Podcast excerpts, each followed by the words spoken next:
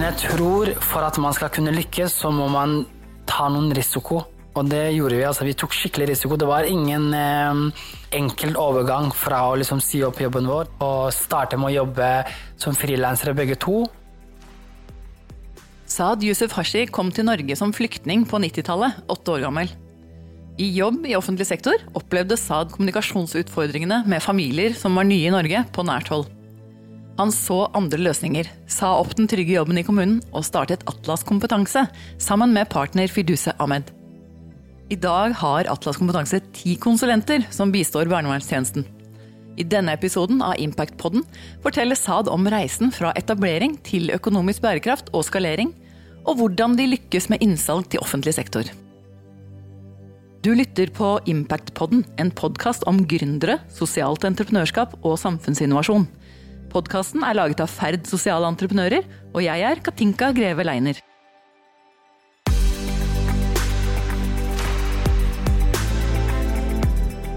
Velkommen til ferd her på Lysaker, Saad Hashi. Tusen takk. Vi skal komme tilbake til din egen og litt sånn personlige reise, men la oss starte med Atlas kompetanse, som du etablerte sammen med Fidusa Ahmed i 2014. Hva var ideen deres den gang, egentlig? Uh, ja, først når vi begynte, så vil jeg si at uh, det var ikke helt uh, konkret idé. Vi bare så for oss at vi skulle Eh, gjøre noen av de tjenestene som eh, eksisterer, bedre. Vi hadde vel mange gode ideer, men det var ikke veldig konkret. Men vi endte jo opp med da å eh, bygge opp et familieveiledningsteam som da leverte konkrete tjenester til barnevernstjenesten. For du og Fiduse, dere jobbet opprinnelig i det offentlige?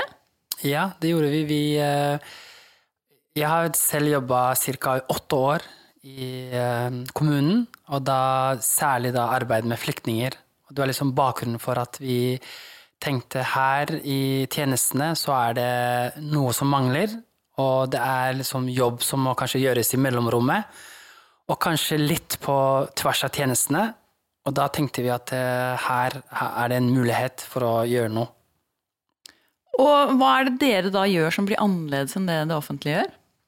Det vi har gjort egentlig innenfor barnevern, det er jo at vi eh, har sett veldig mange familier som er nye i Norge, som kanskje har eh, manglende systemforståelse og språkbarrierer. De eh, har vi sett, særlig de vi har jobba med, at veldig mange har slitt med tillit til barnevernstjenesten. Og det at hvis de hadde lyst til å komme på besøk fordi det hadde kommet noen bekymringsmelding barna deres, hvordan de skulle da skape den tilliten. Hvor vi egentlig tenkte at vet barnevernstjenesten er jo noe helt fantastisk. Det er bra. De egentlig er etablert for å hjelpe familier. Hvordan kan familiene her forstå at uh, de er her for å hjelpe dem? Da tenkte vi kanskje vi skal prøve å se på noen av de tjenestene som de leverer uh, til familier, og kanskje gjøre det bedre, sånn at familiene ikke trenger å være redde. Og det har dere fått til? Ja, vi har eh, i de siste fire årene bygd eh, et eh, familieteam. Som da Vi har fagpersoner som egentlig har sosialfaglig bakgrunn, og som snakker et annet språk, og som da leverer familieveiledning og jobber for oss. Men kunne dere ikke gjort dette inne i det offentlige, der hvor dere jobba? Sånn og tatt med ideen inn og fått det til der? Jeg, jeg husker at når jeg før jeg kom inn i tanken om å bli gründer, så hadde jeg faktisk eh, mange gode ideer konkret på det, og andre ting som jeg hadde lyst til å uh, løfte fram til ledere, og kanskje til, spesielt til min leder. Men jeg følte at det, var veldig vanskelig å få de ideene realisert mens jeg jobbet i kommunen. Uh, og gjorde noen forsøk, men etter at jeg følte at det, det var ikke sånn rom for det, så tenkte jeg kanskje det er på tide å ta saken i egne hender.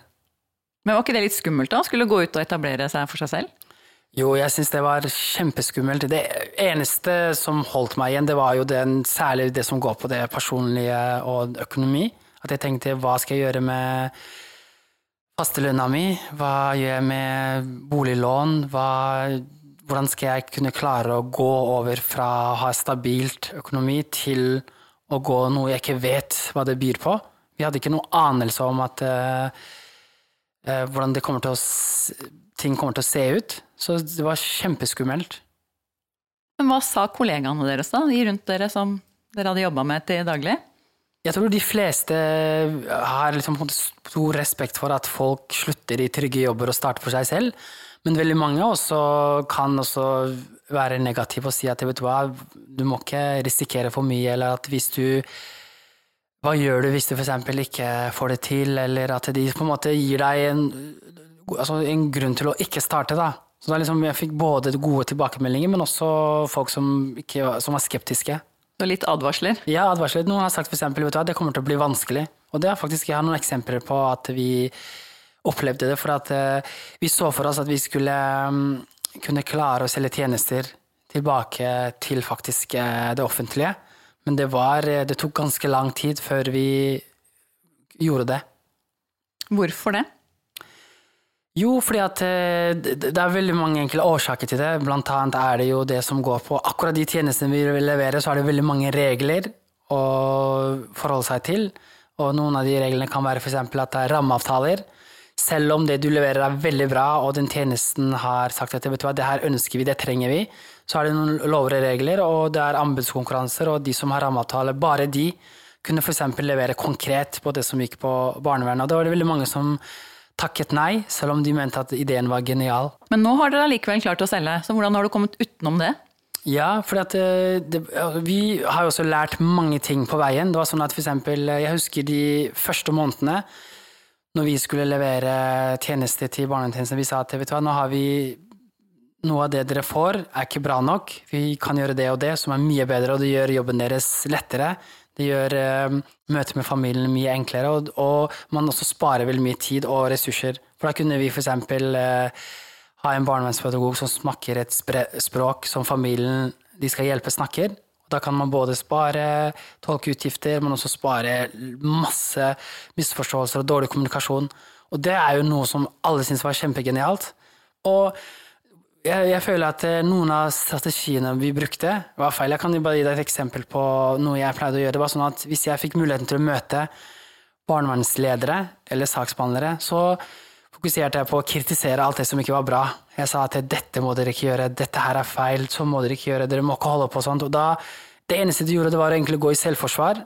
Men den dagen vi endra måten vi presenterte tjenestene våre på, da var det første gangen vi fikk oppdrag. For eksempel, da var vi mer opptatt av å fokusere på at de gjør en god jobb, anerkjenne den jobben de gjør, men også si at vi kan gjøre den enda bedre ved at de bruker oss. Da var det noen dører som åpna seg. Nettopp så dere klarte å vise at samspillet gjorde dem bedre. Absolutt. Det at vi spiller på lag med hverandre, at vi kunne faktisk eh, vise at de gjør en god jobb, men at, hvordan kan de gjøre det bedre allerede enn den jobben de gjør, det, var, det vil jeg si faktisk var eh, gjennombrudd da, for oss. Og nå har dere jo solgt ganske bra, for dere har vel eh, vokst? Nå har vi vokst. eh, Nå, er, nå fyller vi snart fem år. Helt utrolig. Det har gått utrolig fort. Vi er veldig mange, og vi har på en måte flere kommuner og bydeler vi samarbeider med. Vi har vært med på sånn anbudskonkurranse. Vi har planer om å bevege oss utenfor Oslo. Så det liksom, vi føler at det er behov for eh, våre løsninger overalt i Norge. Det er ikke som noen ting som kan begrense hvor vi kan levere den tjenesten. Hvor mange har dere blitt? Vi er ca. ti som er tilknyttet i Atlas, eh, som jobber for oss. Eh, de aller fleste jobber 100% og så er det noen som jobber eh, deltid. Og så er det noen eksterne konsulenter da, som er underleverandører for oss. Så vi er totalt ti personer. da. Men ehm, den reisen der, fra å være to gründere og til å være nå ti stykker i selskapet, Mm. hvordan har den vært? Det må jo bety at du har en litt annen hverdag nå enn bare for noen år siden? Ja, for det, det er veldig interessant spørsmål, fordi jeg egentlig, den eneste kompetansen jeg hadde, det var jo fagkompetansen og den erfaringen vi hadde med det jeg skal gjøre. Men vi har jo fått så utrolig mange lærdom for veien, men også utrolig mange utfordringer som vi hver eneste dag må ta stilling til, sånn at vi har fått personal hvor vi har fått personalansvar uten å ha erfaring med personal, håndtering av personal, hvor vi må håndtere økonomi. Jeg hadde ikke peiling. Det var så vidt jeg forsto min egen selvangivelse. Og så kom den der at jeg skulle lage budsjett, og jeg skulle passe på liktivitet. Til og med begrepene var eh, en slags læringskurve, så det var eh, utrolig mange ting vi har lært, men også mange ting som gjenstår. Dere har jo eh, holdt kurs på skolene, vet jeg også, for foreldre med en annen kulturbakgrunn. Mm. Hvorfor har dere startet det? Det er egentlig eh, En eh, skole-hjem-samarbeid bygger jo på at eh, når vi jobbet i kommunen, så møtte vi veldig mange foreldre som var nye i Norge, og så hadde de barn som skulle begynne på den norske skolen. Og veldig mange av de foreldrene opplevde at de ikke helt forsto hvordan de skulle følge opp barna sine på skolen. Og på den andre siden var det sånn at skolene tenkte hvordan skal vi inkludere de foreldrene mer til å engasjere seg i skolen. Så var det en sånn barriere der. Og da tenkte vi at eh, hvordan kan vi skape noe som gjør at de foreldrene er engasjerte og hjelper barna sine å følge på en god måte, men også skolen kan være trygge på at foreldre kommer på foreldremøter, de eh, deltar på utviklingssamtaler med barna sine, at de engasjerer seg i skolen, at de tar verb, at de er veldig aktive foreldre, som er det som forventes av foreldre i Norge når de har barn på skole. Nettopp, og det har dere fått til? Ja, og da har vi eh, snakka med flere skoler hvor vi har sagt at hva, vi kan eh, holde et eh, forenklet skole-hjem-samarbeidskurs, hvor foreldre som er nye i Norge, får innføring i hvordan det er å ha barn på norsk skole, hvilke eh, forventninger skolen har til dem, og eh, hvordan, hvilke forventninger de kan ha selv til skolen. Og noen av de kursene har enten gått på enkelt norsk, men også på morsmål, hvor vi har hatt foreldregruppe som har gått kurs hos oss, kveldskurs, på deres språk, da. Dette høres ut som en innmari smart idé. Er det noe som virkelig har vært gjort masse av? Ja, jeg tenker jo det, det som vi ville egentlig forebygge, det er jo at eh, ungdom og barn dropper ut av videregående. Og vi har jo sett at veldig mange barn som ikke fulgte opp av foreldre gjennom skolen og grunnskolen særlig, de har droppa ut, og særlig de som kommer eh, til Norge som flyktninger i skolealder. Veldig mange har, eh, liksom faller ut av videregående skolen. Og da tenkte vi det er mange ting som gjøres, og det er mange ting man kan gjøre. Men foreldreinvolvering er den, kanskje den viktigste tingen som kan forebygge da, at barn faller utenfor. Og det var liksom mer det å bevisstgjøre foreldrene. Hva kan de gjøre konkret, nå som barna deres ikke har droppet ut enda? Mm. Hvor mange skoler som har gjort dette her, da? Vi har hatt eh, eh både kurs, holdt kurs her, skoler her i Oslo, men også skoler eh, ute i fylkene. Og det er noe, en tjeneste som vi prøver å jobbe med hver dag og utvikle. For det er veldig mye som, eh, som gjenstår for å lage et godt produkt, da, hvor vi tenker f.eks. digitalisering, hvor vi tenker hvordan kan vi nå veldig mange skoler, veldig mange lærere, sånn at det her blir et tilbud for alle barn i Norge som kommer til Norge. Så ambisjonene er eh, store. Ja, for jeg tenker eh, alle de, de aller fleste skolene i Norge har familier med kort botid i Norge. Og de har også familier som ikke snakker norsk. Og da tenker jeg at hvordan kan skolen godt tilrettelegge at de foreldrene her føler seg ivaretatt? Du kommer stadig tilbake til dette med språket, eh, og jeg skjønner jo det at det er enklere å møte noen som kan språket ditt, enn det å måtte oversette og føle seg usikker på hva ting betyr. Men kan du si noe mer om effekten det kan ha for barna? Jeg kan si veldig konkret det som f.eks. Uh, har vært med særlig barnevernstjenesten, det er jo at uh, hvis man ikke har et felles språk, det er uansett en utfordring for alle. Men i tillegg så har barnevernstjenesten også andre mandater hvor f.eks. at hvis de går inn og undersøker uh, situasjonen i en familie, hvis ting ikke er bra, så kan, foreldre, nei, så kan barnevernstjenesten fatte vedtak hvor barna må flytte hjemmefra mot deres egen vilje. Og det er kanskje det eneste som preger foreldre som er nye i Norge, hvor de ser at eh, barnevernstjenesten tar barn. Og akkurat i en sånn posisjon så har vi hatt en unik mulighet til å snakke foreldrene med deres språk, hvor veilederen snakker til dem på deres morsmål. Og hvor f.eks. la man begynne med å forklare hvilke man, ulike mandater barnetjenesten har, og hvorfor egentlig de ønsker å hjelpe dem, og, og gjøre den der kartleggingen mye fortere fordi man snakker et felles språk. Og så opplever vi også når familiene får uttrykke seg for sitt eget morsmål, så er det noe helt annet enn å snakke med den som undersøker via en tolk, hvor du hele tiden er avhengig av en person som skal oversette det du sier, og nyanser og følelser og alt det liksom på en måte mm. kommer ikke med. Du beskriver egentlig det at dere reduserer en slags engstelse du, i møte med familiene? Ja, de tingene vi pleier å si er at vi skaper tillit. Vi bruker mindre tid på å være inne i familien for at det å snakke fellesspråk det går mye fortere. Og vi bedrer også kommunikasjonen. Og den tiden vi kan være inne i en familie, kan være mye kortere. Fordi nettopp det ikke er rom for misforståelse når man snakker samme språk. Da sparer man også veldig mange ressurser, da. Men hva slags effekt kan dette ha på barna? Jeg tenker at det vi, eh, vi har gjort da, så langt av erfaring, det er at eh, vi har eh, på en måte Jeg føler at vi har spart veldig mange lidelser for familier. For at hvis familiene føler seg utrygge, de vil jo ikke samarbeide med noen som helst. Men når de får informasjon de forstår, så har jeg følt at vi sparer veldig mange lidelser for familier hvor misforståelser kan føre til at man fatter feil avgjørelser, og også at familier ikke ønsker egentlig å samarbeide fordi de er redde, har gjort at man har brukt veldig lang tid på å motarbeide hverandre. Så jeg føler at det er ikke lenger en mulighet for at familien trenger å være redde. For hvis du er redd, så vil du aldri starte den gode kommunikasjonen, den gode dialogen, det samarbeidet som må til for at barna skal ha det bra. Så jeg tenker at vi starter med en gang at barna kan begynne å ha det bra, og vi kan faktisk gå løs på å hjelpe faktisk familien med de utfordringene de har, da. Mm istedenfor å oppklare og Men av og til så får vel dere også oppdrag hvor det er si, barnet barnevernet er bekymra for, og så skal man gå inn og hjelpe barnet. Og så havner dere inn i familier. Mm. Um, hvordan opplever du at, at, det for barnet er, det å måtte skape den tilliten? Har du opplevd noen effekt på barna oppi en sånn situasjon? Jeg opplever at eh, Jeg, jeg føler at for eksempel, Jeg kan jo snakke for meg selv, for jeg jobber jo veldig mye med ungdom. Og da bruker jeg egentlig min egen oppvekst som eh, eksempel. Jeg forteller om meg selv. Eh, noen ganger så føler jeg at eh, fordi jeg også selv kom til Norge som flyktning, så føler jeg at når jeg møter en ungdom som har kommet til Norge også som flyktning, og kanskje som går gjennom veldig mange av tingene som jeg også gikk gjennom når jeg vokste opp, så føler jeg at jeg får helt annen posisjon enn jeg ville gjort hvis jeg aldri hadde vært i samme situasjon som han.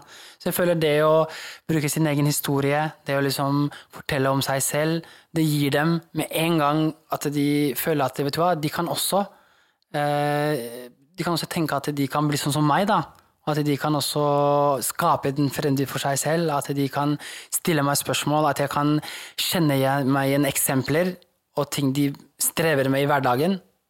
Og som, som eksempel å komme hjem til en familie hvor jeg tenker det her kunne jo egentlig vært mitt hjem for 20 år siden. Mm. Hvor vi hadde dårlig økonomi, foreldrene mine slet med språket, det var vanskelig å få jobb. Eh, det var liksom vanskelig å vokse opp med to identiteter. Altså, jeg hadde forventninger hjemme hos foreldrene mine, og så hadde jeg en annen forventning ut i storsamfunnet. At liksom mange av de tingene strever også mange av de familiene med. Og det er liksom veldig kult å liksom da ta tak i det og kanskje roe dem noe og si at vet du hva, nå skal vi jobbe sammen. Dette her har vi mange gode løsninger på. Jeg har mange eksempler å fortelle deg da, fra min egen oppvekst. Og den eh, bruker du? Det gjør jeg. altså helt sånn, Jeg føler at det er liksom nesten icebreakingen da, i arbeidet. Men eh, du kom som flyktning, sier du. Hvor gammel var du da? Jeg var åtte år når jeg kom til Norge. Og hadde ennå ikke begynt på skolen, fordi jeg flyktet de Fra jeg var fem år til jeg var åtte år, så var jeg liksom bare på flukt. Og da hadde jeg liksom ikke begynt på skolen. Altså jeg var jo analfabet når jeg kom til Norge åtte år, skulle begynne i andre klasse. Rett på skole, lære norsk, mm. så lære skrive mitt eget morsmål, også engelsk. Nettopp, så du lærte alle um, språkene på en gang, ja? Alle parallelt, på en måte. Fortell litt om den reisen din, da. På, da blir jeg nysgjerrig. Hvordan var det for den åtteåringen å møte Norge og det litt sånn massive læringssjokket, men også alt det andre du opplevde i Norge? Jo, jeg tenker det er liksom som eh, bilder som eh, jeg aldri kommer til å glemme, for jeg kom til Norge i januar, og da var det jo snø. Selvfølgelig, jeg hadde jo aldri sett noe snø. Og det husker jeg når jeg landa på Fornebu, den gangen den flyplassen, så så jeg ut av vinduet, så så jeg bare helt kritthvitt. Og det var ikke noe jeg kunne Jeg, jeg trodde det hadde brent ned hele. Det var ikke noe trær, ingenting. Jeg så bare helt sånn aske. Noe sånn som at eh, en hel skog hadde brent ned. Så jeg husker jo at det var veldig spesielt, og det var jo snø, det var jo kaldt. Og de første ukene og månedene på skolen, det var Jeg skjønte jo ingenting. Gym var kanskje det eneste faget jeg hadde sammen med hele klassen. Eller så var jeg i en sånn språkgruppe hvor ingen hadde et felles språk. Så det var liksom eh, Ja, det var veldig, veldig spesielt. Blir man mye redd i en sånn situasjon? Ja, man blir jo redd og usikker og på en måte tenker veldig mye tilbake. ikke sant? Det at eh, Fordi at jeg ikke kunne Jeg har ikke vært med på noen av de beslutningene. Hvorfor jeg havnet i Norge. Det var helt tilfeldig. Faren min kom til Norge helt tilfeldig og måtte bare redde seg selv. Og være med på den reisen hvor vi ikke visste hvor vi skulle om Norge. Det ga meg ikke noe mening hvor vi skulle. Selvfølgelig var vi en av de få heldige da, som ble eh, tatt imot av Norge på familiegjenforening. Men de tre årene før var jo bare flukt og usikkerhet og flyktningleir og ikke vite hva som skjer i morgen, ikke vite om vi, skal, om vi er trygge. Hvor var det familien bodde opprinnelig? Eh, Familien min er egentlig opprinnelig fra nord i Somalia, men vi har vært i Etopia, da, hvor vi liksom da har vært på flyktningleir og venta på Hadde opphold der før vi skulle komme til Norge. Ja, blir det antagelig ganske mange ting du kan dele med de ungene som har kommet nå? Ja, absolutt. absolutt. Vi tror tro det ikke har endret seg så mye, den situasjonen og de følelsene som Ja, de, oppstår. ja, det er de samme mekanismene som spiller inn. Det med at man er usikker og ikke har liksom kontroll på hverdagen sin, vet ikke hva som skjer, og så må man starte helt på nytt. Da. Det er liksom det som folk undervurderer mest, at det å liksom starte helt på nytt og sette seg inn i helt nytt samfunn med nytt språk, eh, kultur, det er liksom noe som er kjempekrevende, men selvfølgelig det er mye enklere for barn. Jeg lærte meg norsk veldig fort, og så fikk meg venner, og på en måte følte at eh, for meg var det liksom det å komme til Norge, det var sånn lottotrekning. Det kunne vært en åtteåring som ikke fikk det, som var i samme fylkesleir som meg. Så jeg føler liksom at eh, nesten det er en gave, da, hvor jeg har fått kommet til et nytt land som er trygt, hvor jeg kan vokse opp, hvor alt er gratis, ta utdannelse, og gi tilbake, selvfølgelig. Har din medgründer Fidusa også samme bakgrunnen? Nei, hun har helt annen bakgrunn. Hun, eh, hun er født i Norge, hun. Så hun har liksom eh, også sine erfaringer og bakgrunn, men vi har på en måte også, føler at vi har liksom mye til felles, da, for hun har også to kulturelt, og på en måte har vokst opp i to, to kulturer. Hvor da hun også har noen ting hun kan være med og spille på i jobben, der hun skal møte disse familiene. Med samme bakgrunn også. Men du sier at dere er helt oppe i ti personer nå, så hvordan klarer du å få tak i folk som klarer den samme jobben? Prøver du å finne folk som har den erfaringen, eller må dere lære dem den kulturforståelsen og Ja, det er, det er egentlig de tingene som er veldig viktig for oss da, å jobbe hver dag med. At vi skal prøve å finne både folk som er veldig gode i faget, og som har erfaring, men kanskje også kan være med å inspirere de familiene og kanskje bruke seg selv i jobben og sin bakgrunn. Så vi, vi prøver å liksom få tak i folk med kanskje lignende profil som vi har. Eh, Men jeg tenker det viktigste våpenet vi har, det er liksom den fagkompetansen. Så vil alt det som er språk og kultur, det vil være bare en sånn verktøy og ressurs. Det er liksom fagkompetansen som er det vi slår i bordet med, og som gjør at vi får oppdrag, da. Hva tenker du om hvorfor akkurat du ble gründer? Ja, det er veldig bra spørsmål. Jeg husker eh, jeg tror ett år før vi startet, så husket jeg jeg var på sånn bilverksted. og var med en venn som skulle kjøpe bil. Så går vi inn i en sånn skikkelig stor garasje med bruktbiler. Så satt det der en, en kar da, på min alder. Han var liksom da Ja, slutten av liksom Han var litt yngre enn meg, da, slutten av 20-årene da. Og han eh, ja, Når jeg så på det stedet, så tenkte jeg ja, wow, det er en stor bedrift. Så så jeg på han som sånn ung ut. Så sa jeg hvem er det som eier han? Bare det er min. Så jeg er du din egen sjef? Så jeg til han bare ja. Og da jobbet jeg i kommunen, og så tenkte jeg shit, altså, det der er skikkelig stort, altså. Og akkurat i det øyeblikket der så så jeg aldri meg selv som gründer.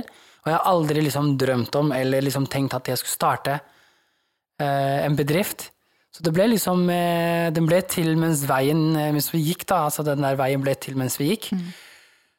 og først det begynte jo bare med sånne tanker, at, eh, at vi hadde brennende engasjement, som vi også, som jeg fortalte innledningsvis, at vi brukte det i jobben vår og ville skape noe der. Men sakte, men sikkert så følte vi at eh, her var det ikke noen muligheter, og da det fremskyndet da, det at vi ville starte, men jeg var også veldig redd og tenkte at eh, hva skjer hvis jeg mislykkes? For det er en sånn følelse ofte man har. Man vil ikke mislykkes, og det er veldig mange som tenker det. da. De vil heller unngå å mislykkes enn å lykkes. Ikke sant? tror- Og hva vil familie og venner tro hvis det går Ja, gærent? familie og venner de, de vil helst advare deg, for de vil ikke, de vil ikke se deg mislykka. ikke sant? Så jeg tenker, jeg husker at eh, alle stilte jo de samme spørsmålene. Ja, hva gjør du med leiligheten din? Hva gjør du med avdraget ditt? Hva gjør du med økonomien din? Du vet at du har fast jobb, ta permisjon. Altså, de prøvde å gi meg gode råd, da. Men jeg tror for at man skal kunne lykkes, så må man ta noen risiko. Og det gjorde vi. altså Vi tok skikkelig risiko. Det var ingen eh, eh, sånn enkel overgang fra å liksom si opp jobben vår til å bare gå helt ut i det usikre. Og starte med å jobbe som frilansere begge to, og kombinere det med at vi skulle være på jobb på dagtid, og så etablere ting på kveldstid. da. Så jeg, sa, vi møttes eh, Vårt første kontor, det var jo Jeg studerte jo litt fortsatt da, på Høgskolen i Oslo, så vi eh, booka sånn kollektivrom da, og satt der og lagde hjemmeside og hadde møtene våre der. I tre måneder, faktisk. Det er bra. En inkubator på universitetet. Ja. Men det betyr at hvis jeg skulle be deg om å gi noen råd da, til andre gründere eller gründerspirer der ute, mm. så sier du at eh, ok, bare liksom, hopp i det. Eh, Du sier bare ta risiko, sier du. Er det første budet, eller eh, Ja, har du et par andre gode ting å Ja, det er et sånn generelt bud at Jeg tenker bare for å ta en, en sånn generell ting, da jeg tenker at hvis du ser på sånn ulike land hvor gründerskap skapes, og de skaper et miljø Hvis jeg sammenligner de landene med Norge, så ser jeg det er mye tryggere å risikere noe i Norge enn i andre land. Vi har et eh, system her hvor, med gode ordninger, hvor du kan søke penger. Det er veldig mange som er villige til å gi deg penger for at du skal lykkes. Så jeg tenker at eh, andre gründere som gjør det veldig bra, har ikke de samme mulighetene i andre land. Så jeg føler bare at flere burde risikere mer i Norge, nettopp fordi her er det mange som vil hjelpe, og her er det penger for å kunne redusere litt av den risikoen. Så det er det første. Og det andre det er at den prosessen du starter i den ideen din, må gå hele tiden. Du må liksom ha det gående sånn at det skjer noe litt hver dag, og ikke liksom starte noe og så stoppe. At det liksom, du har det gående for at du ikke skal liksom ha tilbakefall, da. Eller liksom slutte med det. Så videreutvikle ideen din, er det det du tenker på da? Ja, ikke tenke på at eh, du skal få det til med en gang. Det er krevende, det vil ta tid, men at eh, du holder prosessen gående. At du tenker at vet du hva, jeg har en langsiktig plan, og det skal gå fremover. Men progresjonen kan være veldig lav, da. Trenger ikke, alt må ikke være på plass. Vi hadde ikke noen ting på plass. Vi måtte bare ta mange veier for å finne riktig vei. Så vi har liksom tatt mange dårlige valg da, som vi heldigvis har lært av. Også. Men god porsjon med tålmodighet der, med andre Mhm. ord. Ja, har du et siste råd, da? Jeg tenkte, jeg tenkte på det som eh, eh, Hva du skal skape, da. Veldig mange vil jo bare ja, de vil skape noe, de vil skape noe. Så jeg tenker bare det er to ting som jeg ville gi råd på, som jeg kunne endre på hvis jeg eh, hvis jeg skulle grunde på nytt. Det er at enten så må du gjøre noe som eksisterer bedre, hvor du kan da konkurrere ut, eller slå de andre da, som allerede har den tjenesten. Eller så må du skape noe nytt, som da må være så bra at du har marked for det. Jeg tenker Det er de to tingene som man må ta stilling til. Da vil du gjøre noe som allerede eksisterer, og gjøre det bedre, eller vil du skape helt noe nytt. Så det har vi faktisk lykkes i Atlas begge to, da, selv om vi ikke er fornøyd med skolehjem enda. Det er et kurs som vi har lyst til å utvikle mer og gjøre det tilgjengelig for alle. Så det er ambisjonene. Atlas skal ut til folket, ut i landet, eller skal du utover landegrensene? Hva er ambisjonen? Jeg tenker at eh, nå har vi bare forskansa oss her i Oslo. Jeg tror at det er på tide å liksom komme seg utover. Vi har eh, noen avtaler og noen oppdrag litt utenfor Oslo. Men vi kan egentlig etablere oss hvor som helst i Norge, og det er behov for eh, våre løsninger overalt. Så vi har som et mål om at eh, Atlas skal eksistere først og fremst i hele Norge. Men hvorfor ikke internasjonalt også? Jeg tenker det er mulighet der òg. Det er lov å drømme. Absolutt. Tusen takk. Det har vært kjempeartig å prate med deg. Tusen takk Lykke at jeg fikk på veien. eh, komme. Takk. Du lytter på Impactpodden, en podkast om gründere, sosialt entreprenørskap og samfunnsinnovasjon.